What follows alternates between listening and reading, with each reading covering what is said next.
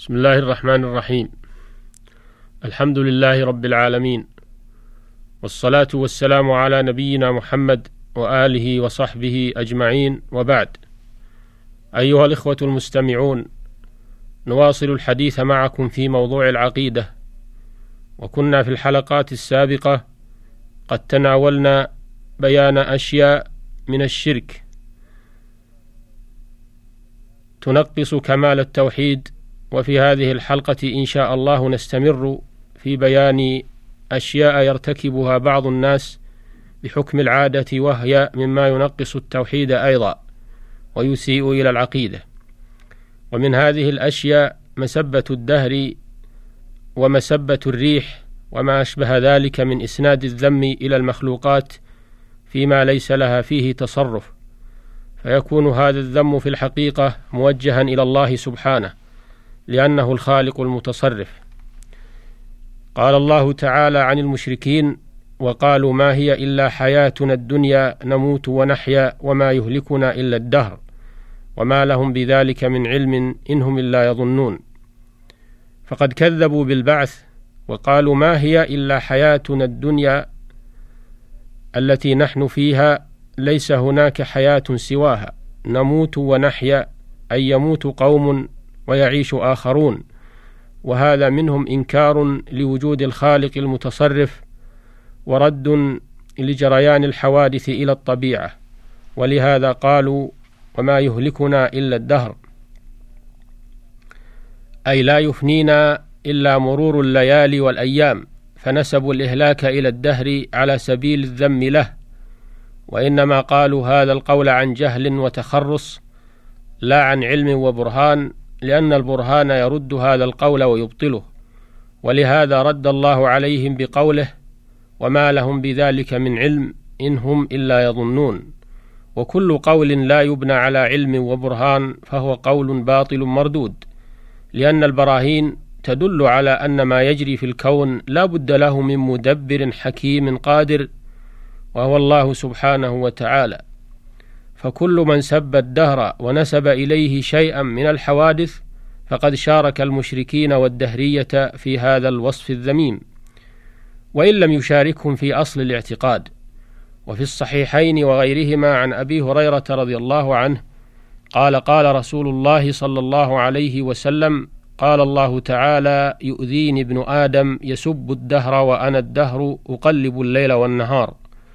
وفي رواية لا تسبوا الدهر فإن الله هو الدهر. فدل الحديث على أن من سب الدهر فقد آذى الله سبحانه لأن السب يتجه إلى مدبر الحوادث والوقائع وخالقها والدهر إنما هو ظرف ومحل وخلق مدبر ليس له شيء من التدبير. ولهذا قال الله وأنا الدهر أقلب الليل والنهار فقوله سبحانه أقلب الليل والنهار تفسير لقوله وأنا الدهر. وكذا قوله فإن الله هو الدهر. معناه أن الله هو المتصرف الذي يصرف الدهر وغيره. فالذي يسب الدهر إنما يسب من خلقه وهو الله تعالى وتقدس. قال بعض السلف كانت العرب في جاهليتها من شأنها من شأنها ذم الدهر أي سبه عند النوازل فكانوا إذا أصابهم شدة أو بلاء أو ملامة قالوا أصابتهم قوارع الدهر وأبادهم الدهر وقالوا يا خيبة الدهر فيسندون تلك الأفعال إلى الدهر ويسبونه وإنما فاعل ذلك هو الله فإذا أضافوا ما نالهم من الشدائد إلى الدهر فإنما سبوا الله عز وجل لأن الله هو الفاعل لذلك حقيقة. قال الشيخ عبد الرحمن بن حسن رحمه الله وقد غلط ابن حزم ومن نحى نحوه من الظاهرية في عدهم الدهر من أسماء الله الحسنى أخذا بهذا الحديث وقد بين معناه في الحديث بقوله أقلب الليل والنهار وتقليبه وتقليبه تصرفه تعالى فيه بما يحبه الناس وما يكرهونه فالذي يليق بالمسلم تجنب مثل هذه الألفاظ وإن كان يعتقد أن الله هو المتصرف لكن في تجنبها ابتعاد عن مشابهة الكفار ولو في الألفاظ. وفي ذلك حفاظ على العقيدة وتأدب مع الله سبحانه. ومن جنس مسبة الدهر مسبة الريح. وقد ورد النهي عنها في الحديث الذي رواه الترمذي وصححه عن أبي بن كعب رضي الله عنه أن رسول الله صلى الله عليه وسلم قال لا تسبوا الريح. فإذا رأيتم ما تكرهون فقولوا اللهم إنا نسألك من خير هذه الريح وخير ما فيها وخير ما أمرت به ونعوذ بك من شر هذه الريح وشر ما فيها وشر ما أمرت به. وذلك لأن الريح إنما تهب بأمر الله وتدبيره لأنه هو الذي أوجدها وأمرها فمسبتها مسبة للفاعل وهو الله سبحانه كما تقدم في سب الدهر. لأن سب الريح وسب الدهر يرجعان إلى مسبة الخالق الذي دبر هذه الكائنات ثم أرشدهم النبي صلى الله عليه وسلم عندما يرون ما يكرهون مما يأتي مع الريح بأن يتوجهوا إلى خالقها وآمرها ليسألوه من خيرها وخير ما فيها ويستعيذوا من شرها وشر ما فيها فما استجلبت نعمة إلا بطاعة الله وشكره. ولا استدفعت نقمة إلا بالالتجاء إلى الله والاستعاذة به.